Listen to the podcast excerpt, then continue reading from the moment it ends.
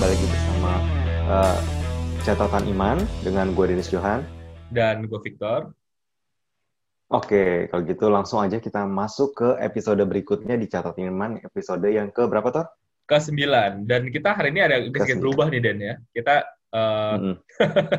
kita kembali lagi uh, zoom lagi nih. Kita nggak ketemuan nih. Kenapa nih Den? iya, karena memang mungkin karena kita juga memang kondisi di Jakarta dan di Jakarta juga udah apa ya kondisinya udah lagi banyak banyaknya maksudnya yeah. coronanya lagi tinggi tinggi banget dan lagi di daerah komplek gue juga udah ada yang kena jadi hmm. mungkin lebih baiknya kita Mbak dulu mengikuti anjuran pemerintah psbb kayak dulu lagi yaitu pakai zoom dulu sampai kondisi udah kondusif iya yeah. dan dan gue rasa ya jadi kapan kalau... kondusifnya ya kira-kira ya waduh kalau masalah buatan sudah banyak pendeta gagal ya. gagal mendebat. Jadi ya, ya nggak tahu lah kita kita lihat-lihat aja lah ya. Uh, kita yeah, kita yeah. sambil kita tunggu lah vaksinnya kapan datangnya. Hmm. Gitu. Kapan lu mau disuntik, Tor?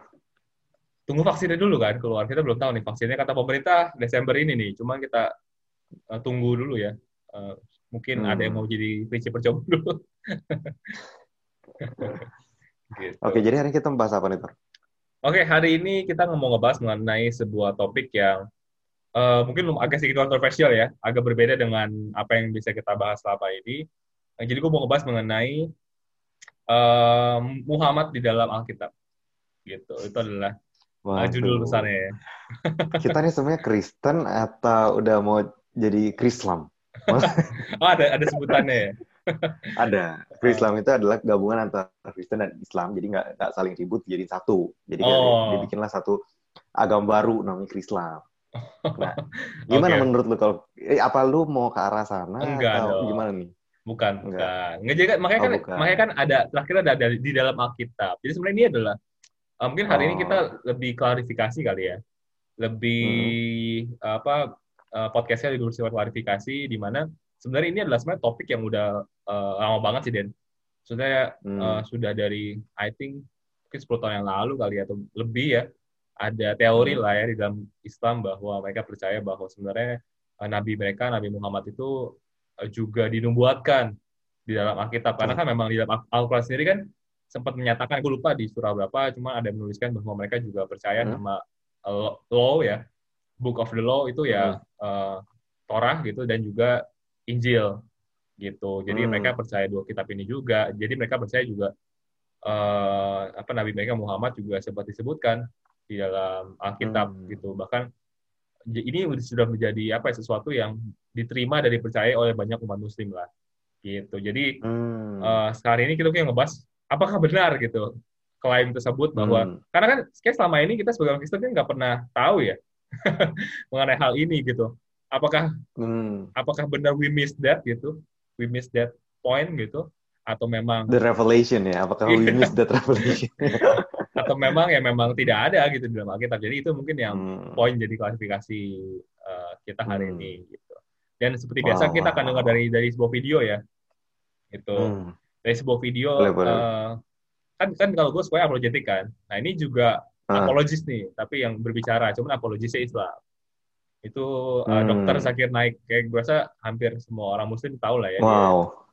video-video di YouTube yeah, tuh yeah, yeah. Uh, udah baik banget dan kayak hampir semua video ditonton jutaan orang ya. Iya jutaan jutaan orang gitu. Jadi uh, pasti semua orang yang ngikutin video-video Islam dia itu pasti tahu lah dia.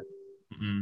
walaupun hmm, sekarang bener, sosoknya bener. kontroversial ya karena jadi buron ya sekarang cuman buron. uh, iya iya iya karena kenapa tuh terakhir itu tahun 2016 dia kena kasus ya karena sempat ada dia kan asal dari India ya dari uh. like ini jadi dia uh, pas tahun 2016 itu ada bombing ada teroris bom di India hmm. dan setelah itu dia langsung cabut gitu karena karena isu-isunya adalah te, ya pelaku terornya itu menyatakan bahwa dia menjadi teroris atau enggak aksi itu di apa ya dilakukan karena terinspirasi oleh video-videonya dia gitu dan setelah hmm. diselidiki juga ternyata uh, yang kita ini gue nggak tahu ya sudah terbukti apa enggak tapi kayak terlibat dalam beberapa pendanaan da, pendanaan uh, terorisme dan dia juga menyatakan bahwa dia mendukung Al Qaeda dan segala macamnya jadi memang uh, karena hal itu dia akhirnya uh, pergi dari India dan buron dan sekarang sih terakhir infonya dia di Malaysia ya dan karena hmm. Malaysia nggak ada perjanjian ekstradisi sama India jadi nggak bisa dibawa pulang ke India gitu cuman ya, hmm. ya cuman sampai saat ini ya dia masih buron dan masih dilarang ya untuk uh, melakukan khotbah-khotbah lagi dan atau ceramah-ceramah lagi gitu. Tapi hari ini, kita, apa, tutor? hari ini kita nggak mau oh, ngomongin iya, dia. Penting, ya? Kita nggak kita nggak oh, iya, ngomongin iya, dia. Okay. Kita oh, iya, jadi iya. gibah kita. Okay? Jadi gosip ya. Jadi gosip. Oke, okay, okay, kita okay. coba. Jadi kita nonton aja. Video dulu ya. Boleh. So, so in John 20:22, he said, "Receive ye the Spirit." So those who were there at that time received. So I want to know why you think um, it goes beyond that point to the Prophet Muhammad. Thank you. Brother asked a question in John 20, 22. Jesus Christ, peace be upon him, said that receive ye the Spirit. But this is not talking about the comforter is different, Spirit is different. Receive ye the Spirit, that means the Spirit was there. This is another verse of the Bible. I didn't quote John chapter 20, verse 22. I quoted Gospel of John, chapter number 14, verse number 16. I will pray to the Father to send you a comforter who will abide with you forever. Gospel of John, chapter number 15, verse number 26. But when the comforter will come, who I will send from my Father, he will show you things to come. He shall testify me. Gospel of John, chapter number 16, verse number 7. Nevertheless, I tell you the truth. It is expedient for you that I go away. For if I go not away, the comforter will not come. For if I depart, shall I send him. You have gone to Gospel of John chapter 20. I am quoting Gospel of John chapter 14, chapter 15, and chapter 16. You are going to... Oke, okay, uh, gue potong aja singkat aja kali ya. Uh, hmm. Jadi mungkin untuk sedikit memberikan konteks nih, dan jadi uh, Dr. Zakir Naik ini memang dia suka sekali dia ceramah di sebuah tempat gitu yang aula besar gitu ya. hmm. ya di mana hmm. mainly ada atas sebenarnya muslim sih. Uh, tapi hmm. dia berceramah di situ menjelaskan mengenai uh, bagaimana kaitannya muslim dengan uh, ada di Holy Kristen. Bible ada dia ada di Alkitab dan segala macam. Dan biasanya ada sesi Q&A-nya nih biasanya seru. Jadi Q&A-nya biasanya ditanyakan oleh orang-orang yang di luar Islam ya. Contohnya kalau di uh, video ini ada orang kayak seperti sih orang Kristen ya. Dia menanyakan mengenai uh, klaim jadi sebelumnya Zakir Naik sempat mengajarkan bahwa ya the comforter atau yang penghibur atau penolong gitu ya yang kita kenal sebagai Roh Kudus itu sebenarnya adalah Muhammad gitu. Hmm. Dasarnya dari mana? Karena sebenarnya uh, mereka mengklaim bahwa sebenarnya uh, kata-kata comforter itu kalau dalam bahasa Greeknya bahasa aslinya hmm. itu uh, periklitos gitu, yang artinya hmm. adalah uh, the praise one gitu. Hmm. Uh, the praise one which is itu adalah kalau artikan di dalam bahasa Aramaik itu disebut dengan Ahmad Di mana Ahmad itu hmm. ya kurang lebih sama gitu kalau dalam bahasa Arabnya itu Muhammad gitu. Di mana Muhammad itu artinya hmm. juga the praise one gitu. Jadi sebenarnya uh, comforter hmm. ini yang, yang di dalam Yohanes 14 ayat 16 ini adalah sebenarnya adalah Nabi Muhammad itu sendiri gitu. Jadi hmm. sebenarnya Muhammad itu sudah dinubuatkan dibilang di dalam Yohanes 14 ayat 16 ini. Jadi selama ini hmm. apa yang apa yang kita pikirkan sebagai Holy Spirit atau Roh Kudus itu ternyata bukan gitu ternyata beda, beda lah ya. Iya. Maksudnya masing-masing ada ya, ada comforter, ada Holy iya. Spirit tapi ya kalau menurut dia ya. Iya, dan dia bilang yang akan datang itu sebenarnya bukan Roh Kudus, yang akan datang itu adalah Nabi Muhammad itu sebenarnya yang dikirim oleh Tuhan gitu. Jadi uh, ini sih yang yang yang intinya ya, intinya mereka percayai hmm. gitu. Nah, mungkin uh, mungkin gue mau tanya dulu ya. Mungkin dari dari lu mempelajari mengenai Alkitab ya, mengenai Roh Kudus itu sendiri, hmm. uh, apakah konsep ini bisa masuk gak sih sebenarnya? sebenarnya nggak masuk sih kalau misalnya karena memang di Yohanes dia kan quote dari Yohanes 16 Yohanes 14 ya hmm. itu kan sebenarnya dari Yohanes 14 saja contohnya di ayat ke-26 but the helper ataupun the comforter yang parakletos tadi koma the Holy Spirit jadi kayak dia nggak bisa kepisah dua karena memang hmm. ya the comforter is the Holy Spirit itu pertama hmm. kan hmm. kedua juga apa ya di sini kan juga dia ngomong kan maksudnya dia uh, the comforter ini akan convict people to believe in Jesus kan sebenarnya kan. Hmm. apa ya convict in sin in judgment and in righteousness gitu. Jadi sementara kalau kita lihat dengan Nabi Muhammad ini cukup malah bertentangan. Maksudnya yang di maksudnya justru Tuhan Yesus kan grace banget. Maksudnya salvation by grace. Sementara kalau Muhammad salvation by works kemudian juga uh, Tuhan Yesus mengajarnya juga cukup berlawanan. Di mana kalau misalnya Tuhan Yesus justru menyangkal diri kita hmm. dan memikul salib kalau Nabi yang itu justru eh, gue nggak sebut maksudnya memang justru yang gue dengar sih katanya kan mal malah kalau surga nanti disambut dengan uh, banyak bidadari kalau misalnya cowok atau kalau cewek ya dengan apa ya maksudnya kayak cowok-cowok ganteng lah atau misalnya di sini juga boleh menikah dengan lebih dari satu segala macam hmm. maksudnya lebih ke ada ajaran-ajaran politiknya ada maksudnya lebih ke mungkin lebih ke arah kedagingan lah ya maksudnya kehidupan di saat ini hmm. bukannya malah menyangkal diri kita dan hidup untuk Tuhan yang holy righteous gitu maksudnya itu benar-benar hmm. pure gitu karena memang ini aja ajarannya udah berbeda cukup jauh dan kalau memang para kletos itu dikaitkan dengan uh, Nabi Muhammad pertama kan para kletos itu memang advokat uh, ataupun comforter tapi memang in sada, apa ya satu entity gitu, satu entity. Jadi harusnya dia memiliki ability yang sama gitu. Hmm. Sama kayak Holy Spirit, dia punya gift juga yang gift of healing, gift of yang gift of the Holy Spirit dan itu juga kita lihat uh, bekerja di kehidupan Tuhan Yesus. Hmm. Dia bisa membangkitkan orang mati, dia bisa menyembuhkan orang segala macam. Tapi kita nggak bisa lihat itu di, ada di Nabi Muhammad karena memang waktu itu lu pernah kasih tau ke gue dia nggak pernah me, me, dia nggak pernah me, apa ya, membuat miracle ya. satu pun.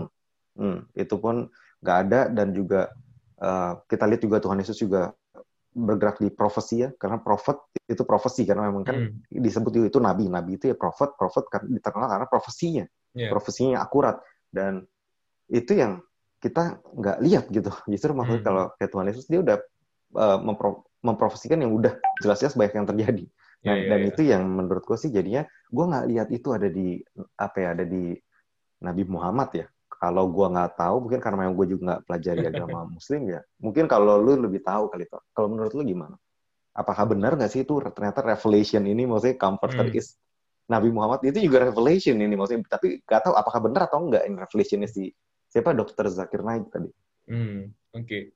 uh, eh, sebenarnya kalau menurut gue sih ya sebelum kita ngebahas mengenai konteks ayatnya ya sebenarnya kita hmm. pelajari dulu konteks mengenai kata-kata yang dipakai sih bahwa uh-huh. kan banyak umat muslim yang percaya bahwa sebenarnya Comforter ini berasal dari bahasa Greek yang di mana periklitos kan. Yang artinya uh. the praise one gitu.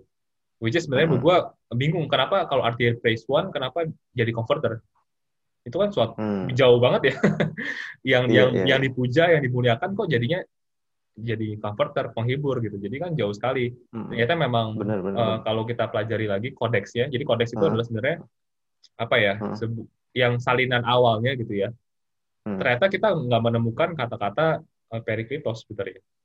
Hmm. Yang ada tuh di dalam bahasa Greeknya itu adalah parakletos gitu. Which is yeah, uh, parakletos yeah, itu artinya memang advocate gitu. Uh, kalau gue hmm. kutip tuh artinya adalah the one call alongside to help atau comforter. Hmm. Jadi bukan the praise one. Dan itu uh, hmm. kita dapetin itu dari uh, Codex Sinaiticus namanya. Jadi Codex Sinaiticus itu hmm. uh, teman-teman bisa cek sendiri ada uh, websitenya www.codex Sinaiticus itu adalah konteks yang berasal dari tahun 350 uh, eh, Masehi. Hmm. Jadi ini jauh sebelum hmm. Muhammad dilahirkan. Mana Nabi Muhammad lahir kan 570 ya. Jadi ini dua, hmm. uh, hampir berapa ya 200 tahun lah ya sebelumnya. Jadi kayak hmm. nggak mungkin ada alasan untuk mereka mengubah itu gitu.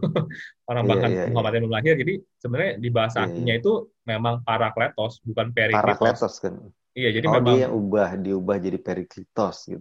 Karena sepertinya gue nggak tahu ya, uh, mungkin ada terjemahan Greek yang sampai ke daerah timur tengah sana yang mungkin hmm. uh, berubah ya dari Parakletos menjadi Periklitos yang akhirnya membuat orang akhirnya berasumsi bahwa wah ini kok namanya jadi Ahmad dan Ahmad, akhirnya itu ya. dari oh. Muhammad dan segala macam. Jadi sebenarnya pada hmm. dasar katanya sebenarnya Parakletos gitu. Jadi Parakletos. Hmm. Dari situ udah udah udah beda sebenarnya. Cuman let's say nih, hmm. let's say uh, uh, teman-teman kita muslim bo masa bodoh gitu kan. Udahlah, hmm. tapi kita, kita tetap percaya bahwa bahwa itu adalah Muhammad gitu. Nah, ya udah hmm. gitu. Tes tesnya kita iakan gitu ya. Kita coba lihat konteks ayatnya hmm. yang tadi dipakai hmm. oleh Kezakin Light itu Yohanes 14 ayat 16 kan dikatakan hmm. bahwa uh, ini gue bacakan ya. Dibilang aku akan minta kepada Bapa dan ia akan memberikan hmm. kepadamu seorang penolong yang lain supaya ia hmm. menyertai kamu selama-lamanya gitu. Nah, kita hmm. baca sini kan kepadamu seorang penolong yang lain kan. Hmm. Berarti kalau penolong itu Muhammad, apakah ada Muhammad yang lain? Hmm. Gitu kan? Maksudnya. Apakah yeah. sebelum Muhammad ada Muhammad lagi, jadi ada dua Muhammad, jadi sehingga hmm. dikatakan Muhammad yang lain? Kan enggak, aneh gitu. Ya jadinya, ya. Aneh kan? Hmm. Itu hmm. satu. kedua aneh, kalau uh, kita baca di ayat selanjutnya, Yohanes 14 hmm. ayat 17, dikatakan hmm. uh, dilanjutkan bahwa yaitu roh kebenaran. Dunia tidak hmm. dapat menerima dia, sebab dunia hmm. tidak melihat dia dan tidak mengenal hmm. dia, tetapi kamu hmm. mengenal dia sebab ia menyertai hmm. kamu dan akan diam di dalam kamu. Nah ini juga hmm. banyak banyak pertanyaan nih. Pertama kan dibilang ya itu roh kebenaran. Apakah hmm. Muhammad itu roh? Kan bukan. Hmm. Terus apakah yeah. apakah dunia tidak bisa melihat dan tidak, tidak bisa mengenal Muhammad? Kan nggak juga. Hmm. Dan dikatakan bahwa ia akan menyertai kamu kan. Kamu ini kan di sini kan hmm. kan adalah konteksnya murid-murid Yesus kan. Nah, hmm. apakah Muhammad menyertai murid-murid Yesus? Kan enggak gitu kan. Belum lahir dianya. Jadi uh, sudah banyak banget kejanggalan-kejanggalan nih sebenarnya. Kalau kita baca hmm. konteks ayat itu secara menyeluruh ya. Atau enggak hmm. uh, kalau kita apalagi kalau kita lihat baca lagi seterusnya di ayat ke-26 dikatakan ini udah jelas banget sih dikatakan tetapi penghibur yaitu hmm. Roh Kudus yang akan diutus oleh Bapa dalam namaku, dialah yang akan mengajarkan segala sesuatu padamu dan mengingatkan kamu akan semua yang telah katakan kepadamu. Jadi sini udah diperjelas banget ya bahwa menghibur itu yaitu Roh Kudus hmm. gitu. Hmm. Tapi uh, eh, gue pernah menyaksikan sih, menyaksikan sebuah debat dan uh, ada orang muslim yang tetap berkeras gitu bahwa enggak, hmm. pokoknya itu tetap mau apa pun itu ayatnya, uh, mereka merasa bahwa ayat-ayat lainnya itu yang berkata lain itu adalah uh, sudah apa ya, sudah di disalah apa ya, sudah diganti lah sama orang Kristen gitu hmm. maknanya gitu. Tapi let's say bahwa oke okay, kita baca ayat lainnya gitu ya. Uh, Yohanes 15 ayat 26 dikatakan, jikalau penghibur yang akan kuutus dari Bapa datang, yaitu roh kebenaran yang keluar dari Bapa, ia akan bersaksi tentang aku gitu. Jadi kita yang hmm. highlight di sini dikatakan bahwa jikalau penghibur yang akan kuutus, berarti kalau ada yang menghibur itu Muhammad, yang mengutus Muhammad siapa? Hmm, Yesus kan. Hmm. berarti yeah, yeah. berarti Yesus siapa? Yesus Tuhan. Berarti hmm. uh, Muhammad mengakui dong bahwa Yesus Tuhan. Berarti gitu. hmm. gitu. Berarti kalau mereka tetap berkeras seperti itu ya udah ya udah the case close gitu berarti berarti ya yang mengutus hmm. Muhammad itu Yesus dan Yesus itu Tuhan gitu which is itu lalu berlawanan dengan hmm. kepercayaan daripada uh, umat Islam ya gitu jadi hmm. dan ya ini ini kayak tadi kan uh, Zagan Naik sempat sempat juga terakhir mengutip ayat Yohanes 16 ayat 7 ya dan ini hmm. dia ngomong sempat banget sih ya jadi mungkin orang yang Kristen yang menanya juga bingung gitu tapi kalau hmm. dibaca sama lagi ya Yohanes 16 ayat 7 dikatakan tuh kayak gini namun benar yang kukatakan ini kepadamu adalah lebih berguna bagi kamu jika aku pergi. Sebab jikalau aku tidak pergi, penghibur itu tidak akan datang kepadamu. Tapi tapi hmm. jikalau aku pergi, aku akan mengutus dia kepadamu. Jadi sekali lagi dikatakan bahwa aku akan mengutus dia gitu. Hmm. Jadi sekali lagi kalau uh, ada misalnya orang-orang uh, Muslim yang tetap bersikeras menyatakan bahwa ini adalah uh, Muhammad, berarti yang mengutus Muhammad ya Yesus gitu. jadi jadi ya hmm. berarti Yesus itu adalah Tuhan. Jadi kayak which is itu bertentangan juga dengan ajaran mereka. Jadi apa pun yang mereka percaya intinya salah. Jadi intinya menurut gua uh, sama sekali nggak ada dasarnya ya. Uh, bahwa hmm, tapi kalau menurut di Muslim sendiri Yesus itu ada tuh kan ada. dia ada. Injil juga. Berarti ada. Yang sebagai? uh, nabi. Sebagai nabi. profet lah. Profet yang hmm. mendahului, yang yang mendahului yang sebelum daripada Nabi Muhammad. Cuman yang terakhir oh. terakhir ya Nabi Muhammad dan yang yang terakhir itu kan yang harus diikutin dan karena kan the final revelation-nya mereka percaya sebagai hmm. Muhammad gitu. Tapi back again kalau konteksnya di, dia menggunakan kitab-kitab Yohanes ini ya nggak ada dasarnya sebenarnya sih gitu. Hmm. Jadi mungkin itu ya okay, klarifikasinya okay. sih sebenarnya. Dari suku katanya hmm. yang dipakai aja sudah salah, bukan periklitos tapi parakletos. Hmm. Dan juga kalau kita gunakan hmm. konteks ayatnya juga nggak nyambung sebenarnya. Gitu. Hmm. Tapi Dan yang tadi lu bilang juga benar juga ya yang ayat yang Yohanes 16 tadi Hmm, ya iya. nggak yeah. nggak usah ke bahasa-bahasa lain pun sebenarnya kayak tadi lu bilang ya udah kita setuju kalau memang comforter itu anggaplah comforter itu Nabi hmm. Muhammad kita setuju kita ambil konteksnya dan benar juga kata lu yang yang ngutus siapa kan hmm. di situ kan udah sama-sama setuju uh-uh. jadi kalau kita sama-sama setuju ya harusnya ya harusnya juga memang gak ada masalah juga sih kalau kita nggak nggak perlu ngegali sampai ke Aramaik hmm. ataupun Greek ya sebenarnya ya Iya, Karena iya. ayatnya berarti menunjukkan ya memang berarti yang di, yang utus Nabi Muhammad adalah Yesus dan berarti Yesus adalah Tuhan ya? Hmm, ya nothing change gitu. Nggak ada yang berubah juga sebenarnya. Iya hmm, gitu. Dan, mungkin ini ya pertanyaan, berikutnya gini dan. Mungkin kita eh, yang tadi mungkin udah hmm. sedikit banyak udah udah selesai lah ya. Uh, mungkin kita sedikit hmm. baik Wes menurut sendiri kayak uh, sepanjang lu baca Alkitab gitu ya. Ada gak sih tersirat di dalam Alkitab bahwa akan ada nabi, ada nabi yang muncul setelah Yesus gitu?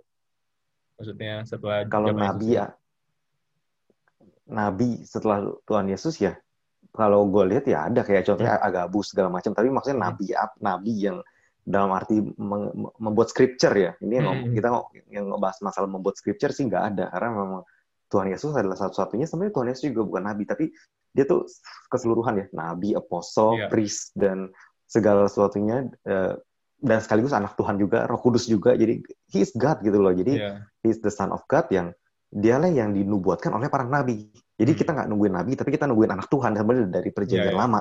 Dan itu yang setelah Yesus ada nabi nggak ada, ada Agabus salah satunya itu ada di uh, kisah para rasul yang gue bilang di si Agabus hmm. ini uh, memprediksi akan adanya famine hmm. kepada gereja pada saat itu dan memang itu terjadi dan gue percaya juga masih ada prophet juga sampai zaman sekarang cuma hmm. prophet yang perjanjian baru beda dengan perjanjian lama kalau perjanjian lama Tuhan yang uh, Roh Kudus nggak ada sehingga apa ya sehingga kita cuma bisa dengar dari dia jadi uh, untuk suara Tuhan tuh kita nggak bisa dengar masing-masing tapi kalau hmm. sekarang kan kita punya Roh Kudus sehingga kita tidak tidak alkitabiah kalau kita pergi ke prophet untuk menanyakan apa yang Tuhan mau untuk hidup yeah. kita atau segala macam. Jadi udah beda konteksnya udah beda. Jadi prophet yang sekarang nggak punya otoritas hmm. sebesar yang dulu karena, karena udah ada Yesus sudah naik dan Roh Kudus sudah dicurahkan.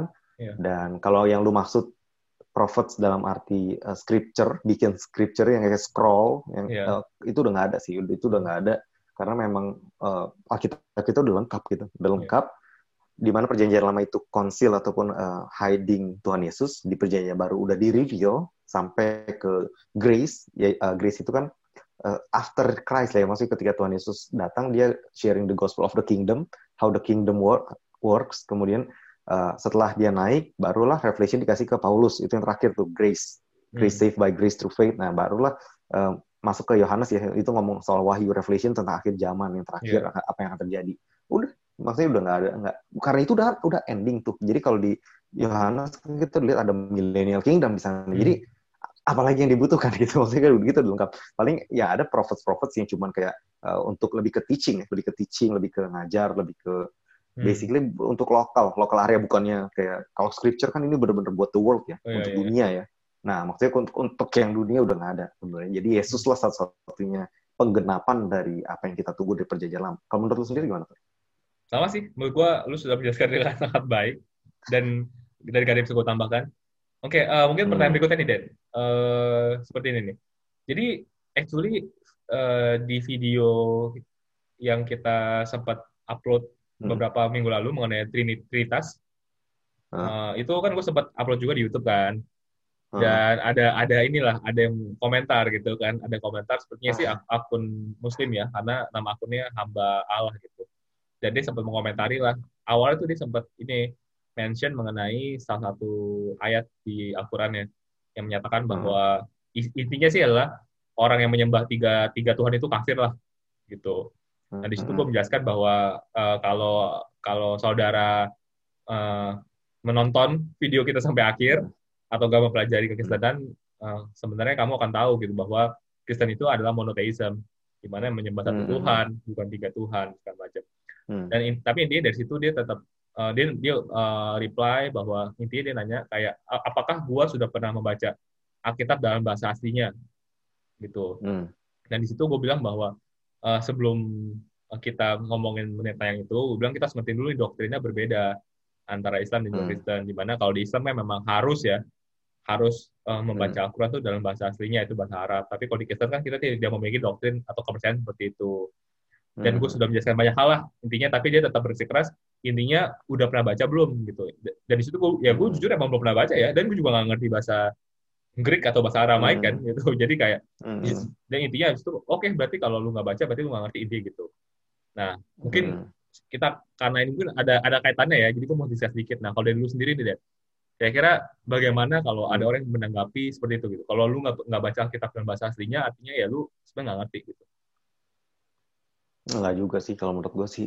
Ya, ya memang ada ada apa ya? Kalau menurut gue ada bagusnya kita bisa cari dari bahasa aslinya, kemudian kita cari dari akar katanya. Jadi bukan cuma bahasa aslinya di sana, tapi akar kata karena memang seperti yang gue bilang bahwa uh, Pardes gitu loh. Kitab itu kita bisa baca Pardes uh, yang pertama kali banget yang gue udah bilang bahwa ada uh, apa ya? Ada pewahyuan, pewahyuan ada four level of interpretation sebenarnya ada empat level interpretasi yang kalau kita gali, gali, gali terus juga ah, bahkan ke endingnya adalah revelation yang berdasarkan Holy Spirit yang gue bilang soul dan itu cuma bisa dilakukan oleh orang Kristen karena memang sesuatu itu yang uh, bisa reveal adalah orang yang punya Roh Kudus gitu. Jadi ada ada benarnya, tapi maksudnya apakah perlu banget gak sih? Nggak perlu juga karena memang basically tujuannya uh, orang Kristen itu tujuan Tuhan itu semudah mungkin supaya semua orang tuh bisa percaya sama Yesus. Itu tujuan utama ya bukannya mempersulit orang masuk ke dalam kerajaan surga gitu loh. Jadi bayangin kalau misalnya ada orang yang dia nggak bisa baca, dia nggak bisa maksudnya tuh dia nggak bisa banyak orang yang buta huruf, buta ini bahkan buta beneran. Gimana caranya dia mau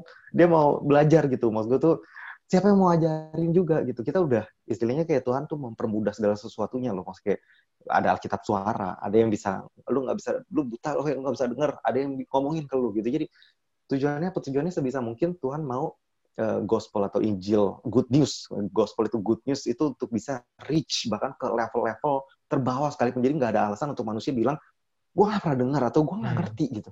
Hmm. Nah sekarang kalau kita ngomong, lu kalau belum pernah baca bahasa aslinya, lu ya udah nggak usah ngomong gitu kayak ya lu mempersulit apa yang Tuhan buat mudah gitu maksud gue tuh hmm. Tuhan sengaja buat mudah supaya semua orang bisa reach out supaya semua orang bisa ya yang penting kita selamat dulu gitu loh hmm. ya masing-masing pribadi untuk lu mau gali lebih dalam it's your choice your preference tapi banyak juga orang-orang yang bodoh di zaman zaman Tuhan Yesus Hmm. Dia dengar Tuhan dan dia bisa langsung ngelakuin daripada orang-orang Farisi yang dalam hmm. dia gali bahasa aslinya dan dia ngebunuh Tuhan Yesus gitu. Waktu itu yeah. nggak ada hubungannya, nggak ada hubungannya orang mengetahui kebenaran dengan melakukan kebenaran. Jadi hmm. banyak orang yang, oh ya gue mesti gue cari gue aja. Ya lu mencari segala sesuatu nggak menjamin kalau lu melakukan hal yang lu tahu kan. Maksud yeah. itu. Jadi kalau dia menjustify sesuatu karena oh, gue tahu bahasa aslinya, gue tahu apa yang lu lakuin dengan apa yang lu tahu Mungkin hmm. itu yang lebih tepat ya, maksudnya lu udah ngapain gitu. Hmm. Kalau apakah cuman ngomong ya Iya, kalau lu orang belum mah, ya berarti so spiritual dan gak ada bedanya dengan orang Farisi yang hmm. se sebenarnya cuman, nah I know better than you gitu. Intinya hmm. just judgment kepada orang lain dan menurut gua ini udah terjadi dari dulu dan apakah perlu kita belajar? It's good kalau lu belajari, tapi hmm.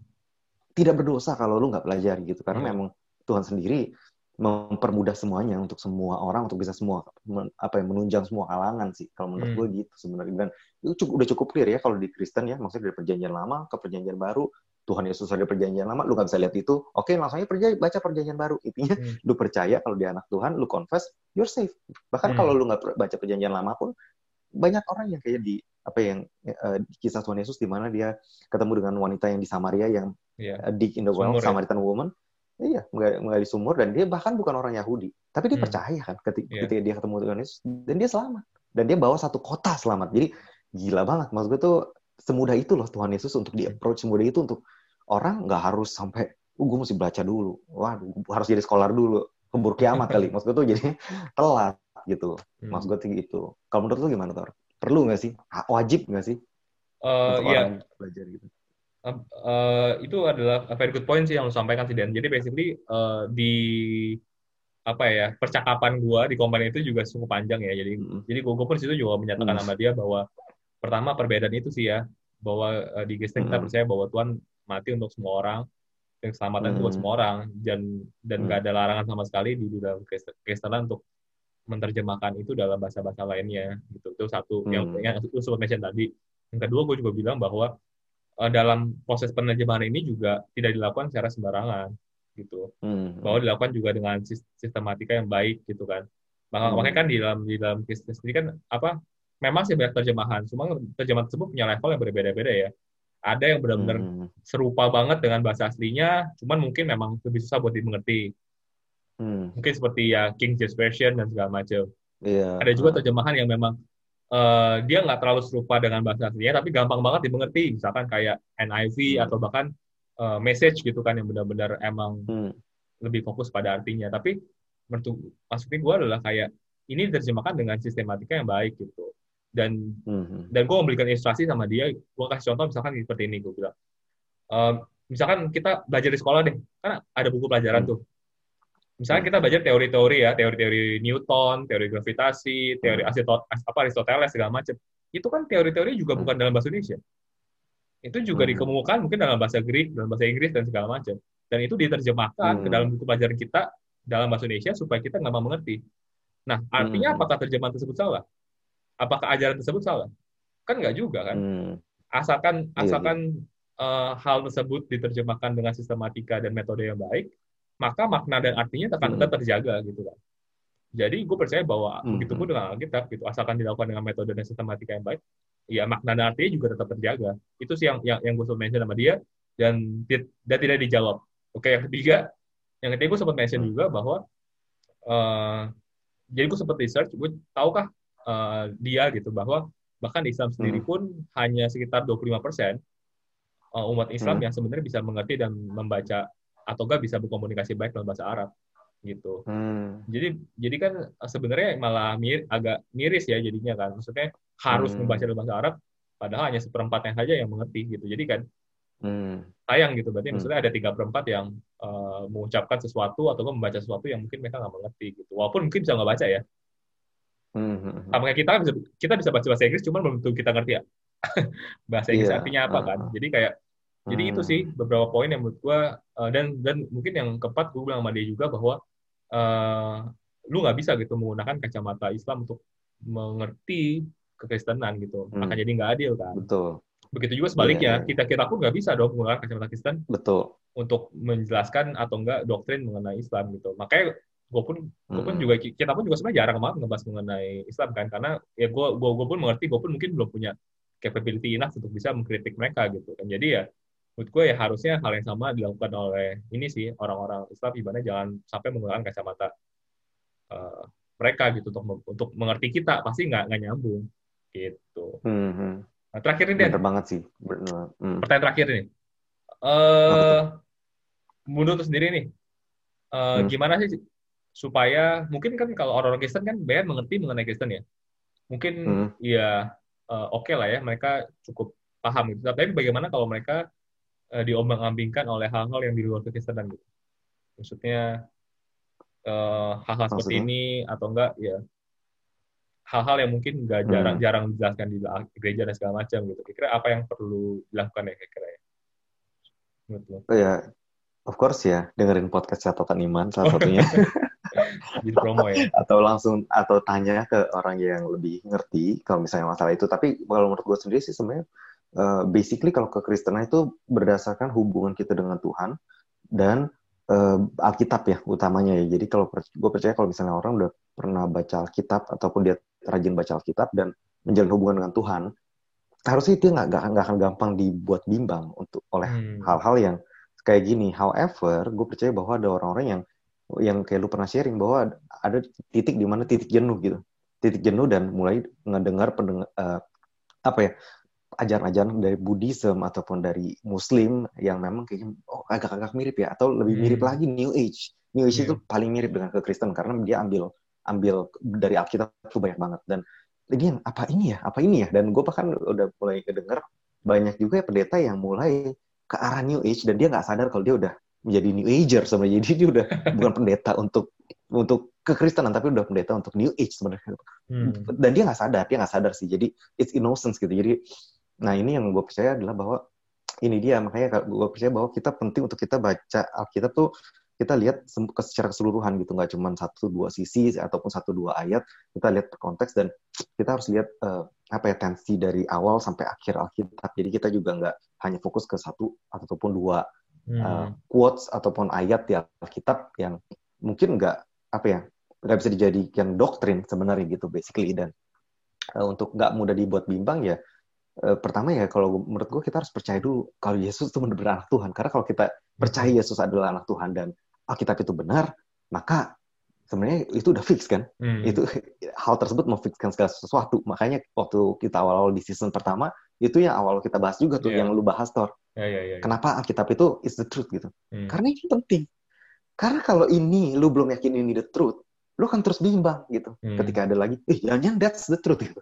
Tapi once ini udah settle in your heart bahwa karena banyak orang kan basicnya uh, terutama untuk orang-orang yang uh, apa ya baru percaya dia kan base basicnya adalah oh karena gue merasa dijamah Tuhan. Hmm. Nah penjamahan ini nggak sampai ke otak lu kan. Ini kan hmm. spirit kan, maksudnya nggak nyampe ke otak lu. Otak lu ini yang membuat kita nanti mempertanyakan Tuhan apa itu hmm. cuma perasaan gue ya Nah, terutama banyak orang yang bilang bahwa e, ya lu jadi Kristen kenapa? Karena ketika lu depresi, terus lu merasakan hadirat Tuhan. Sebenarnya hmm. semua orang yang depresi akan merasakan hadirat siapa pun yang orang tawarkan misalnya ada ajaran Buddhism meditasi gue yeah. merasakan Tuhan Muslim segala macam jadi nggak punya basis fondasi hmm. bener nggak sih mas gue yeah, itu yeah, yang yeah. gue maksud makanya that's why kita bahas waktu itu lu bahas bagus banget tentang kenapa Alkitab is the truth gitu dan alasan-alasan ada manuskrip segala macam dan itu menunjukkan bahwa Alkitab itu nyata dan ini yang akan menjadi settle di otak lu supaya ketika ada doktrin-doktrin lain udah mental karena hmm. this is the truth dan kalau doktrin yang lain uh, menyangkal hal hal ini atau berlawanan of course ya mereka udah maksudnya udah hmm. mental itu sih yang gue percaya banget gitu kalau yeah, menurut yeah. lu sendiri gimana Tor? Uh, apa yang bisa kita lakuin? Mungkin setuju banget sih sama yang lo sampaikan ya mungkin eh, di luar daripada itu menurut gua hmm. uh, memang terkadang yang sulit itu adalah kalau tantangan itu dari segi intelektualitas ya karena iya, gua nggak nggak semua orang tahu segala hal dan hmm. jadi gampang banget kadang-kadang kita, kita tahu gak sih lu kayak misalnya tahu gak sih lu tadi sebenarnya orang kondisi itu sebenarnya Muhammad Hah, masa sih gitu kan orang nggak tahu kan jadi Ah, iya, gue juga kaget loh, Tor. Itu gue baru dengar sih. Wah, lu tahu banyak banget sih. Terus hmm, kayak hmm, orang, orang, orang nggak tahu kan gampang kan. Iya, lu lihat deh sini, sini, sini, sini. Oh iya ya, oh iya ya gitu kan. Uh, tapi uh, benar, gue ya mungkin bisa sih. Menurut gue setuju banget buat kayak, kayak gitu bisa coba tanya kepada orang yang lebih mengerti dan segala macam, cari tahu uh. dan segala macam. Hmm. Tapi gue setuju banget sama yang bilang tadi bahwa terlebih daripada itu, yang penting adalah sebenarnya pengalaman lu sama Tuhan sih. Karena actually itu Betul. yang itu yang gue alami sih. Jadi gue hmm. uh, gue dulu juga sempat uh, mungkin sharing dikit gue dulu sempat kayak juga uh, hampir hilang hmm. kepercayaan ya pas gue lulus kuliah kayaknya iya karena karena gue itu baca buku mengenai filosofi gitu uh, hmm. tentang Plato lah Aristoteles uh, segala hmm, macam hmm, dan itu make sense uh, sangat sangat iya, make sense betul. dan akhirnya gue merasa iya benar juga ya kayaknya memang uh, Tuhan itu nggak ada dan segala macam tapi hmm. uh, pikiran tersebut tuh nggak bisa menjelaskan kayak apa ya karena gue sebelumnya pernah mengalami perjalanan sama Tuhan ya um, hmm. gue pernah mengalami maksudnya pengalaman uh, spiritual dan juga spiritual. perjalanan jadi selain pengalaman spiritual dan juga perjalanan spiritual gitu jadi hmm, uh, bagaimana ya. iya bagaimana Tuhan kayak merubah, merubah kehidupan gue along the way dan itu yang gue nggak bisa jelasin gitu secara hmm. intelektualitas kayak uh, Kristen menurut gue jadi nggak make sense tapi secara perjalanan gue sama Tuhan kayak